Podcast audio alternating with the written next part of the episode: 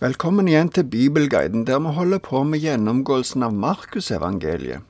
Vi har nå kommet et stykke inn i kapittel tolv, og det vi leser om nå, er hendelser som skjedde i den tida som for oss er påskeuka.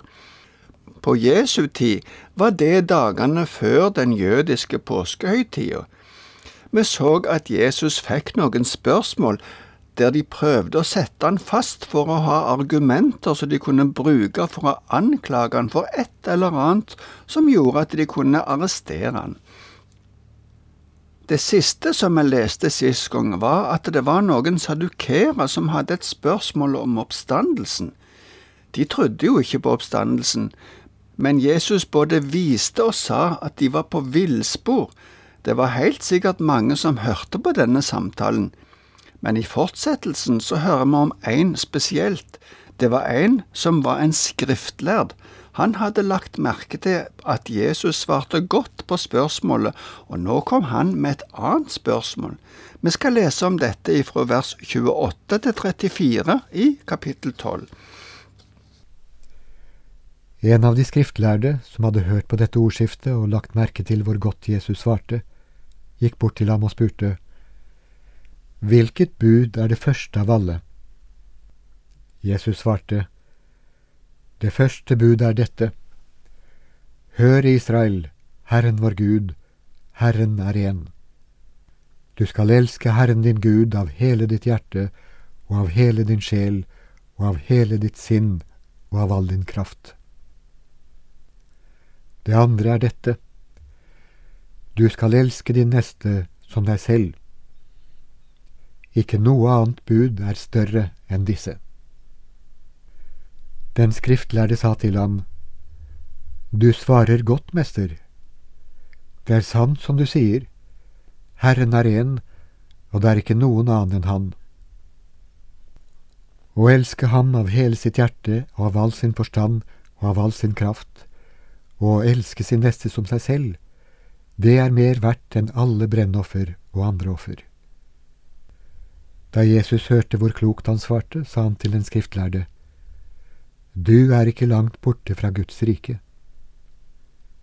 Og ingen våget å spørre ham mer. Det var forskjellige meninger om hva som var det viktigste i loven. Noen mente det var offerlovene som var de viktigste, andre holdt sabbatsbudet som overordna, men denne delingen av loven i små og store bud førte med seg mye uenighet og mye diskusjoner. Det var ikke alltid så farlig om en brøt et av de små buda, hvis en bare kunne holde de store. Det blir på samme måten som det noen ganger i vår tid blir sett vurderinger mellom små og store synder. Men all synd er ulydighet imot Gud, og derfor står en skyldig uansett. Når Jesus svarer, begynner han med uttrykket Hør Israel.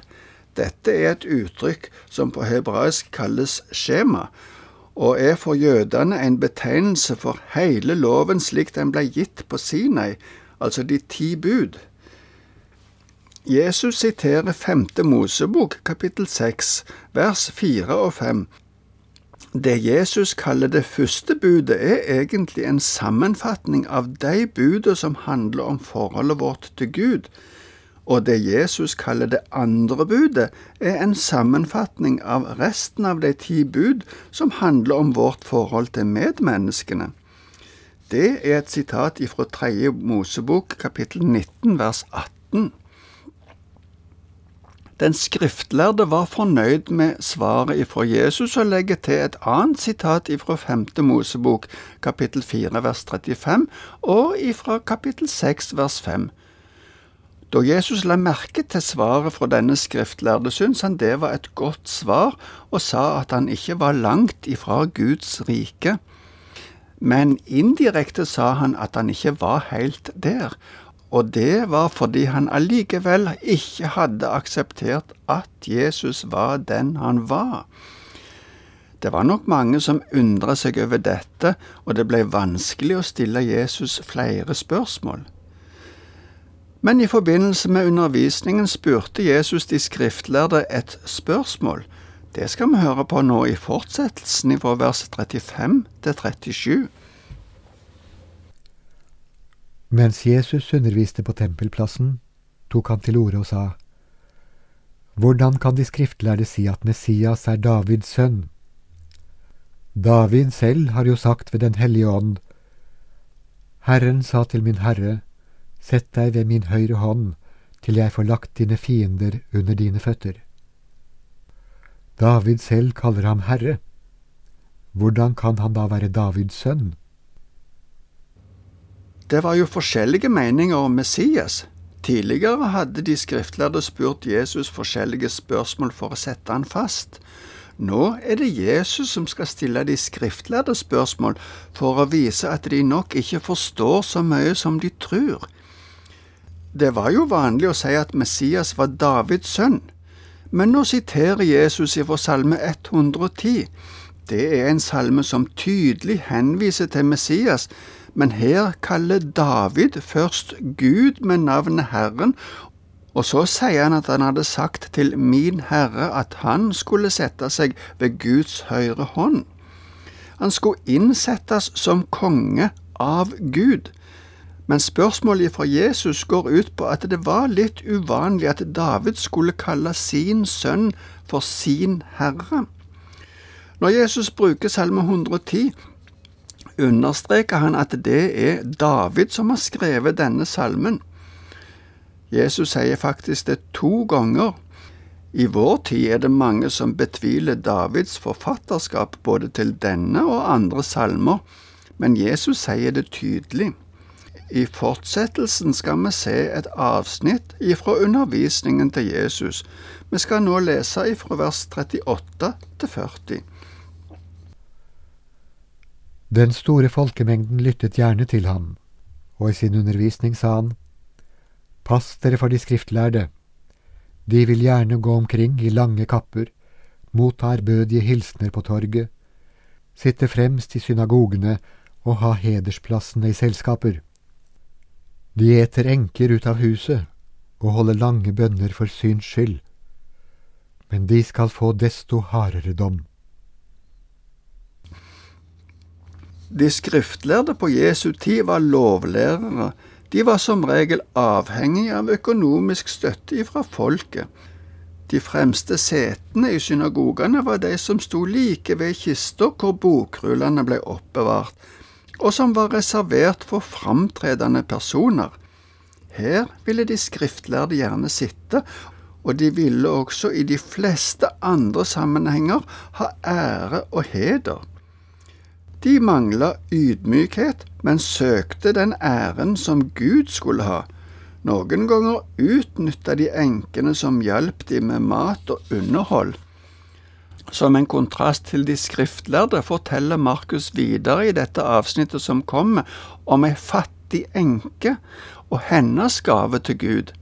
Vi skal lese resten av kapittelet fra vers 41 til 44. Jesus satte seg rett overfor tempelkisten, og han så på hvordan folk la penger i den. Mange rike ga mye. Men det kom også en fattig enke og la i to småmynter, verdt noen få øre. Da kalte han disiplene til seg og sa, Sannelig, jeg sier dere, denne fattige enken har gitt mer enn noen av de andre som la penger i tempelkisten. For de ga alle av sin overflod, men hun gav sin fattigdom alt hun eide, alt hun hadde å leve av.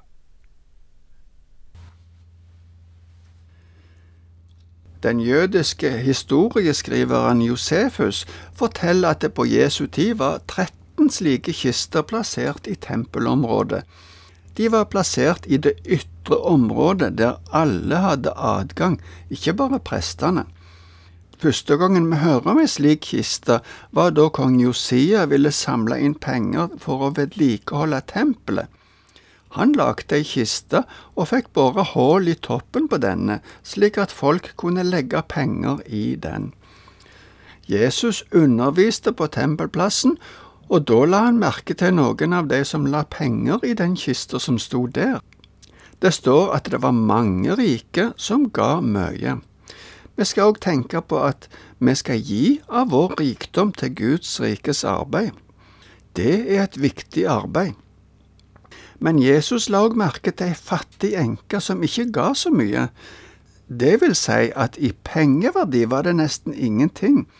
Men Jesus så på sinnelaget bak denne gaven, for den fattige enka hadde ingenting og hadde ikke noe å leve av. Likevel så ga hun det hun hadde til Guds rikes arbeid. Hun tjente Gud i ydmykhet og ekte hengivenhet. Når Jesus sammenligner bidraget ifra den fattige enka med det de rike hadde gitt, så ser vi at Gud regner på en annen måte enn oss. Gud måler ikke hvor mye vi gir, men hvor mye vi holder tilbake. Det er sinnelaget og hjertelaget som er i fokus hos Jesus. De som har større inntekt, har plikt til å gi mer tilbake til Gud Kanskje vi har litt å lære her. I fortsettelsen underviser Jesus om det som skal skje når tempelet ødelegges og de siste tider. Det skal vi se på neste gang.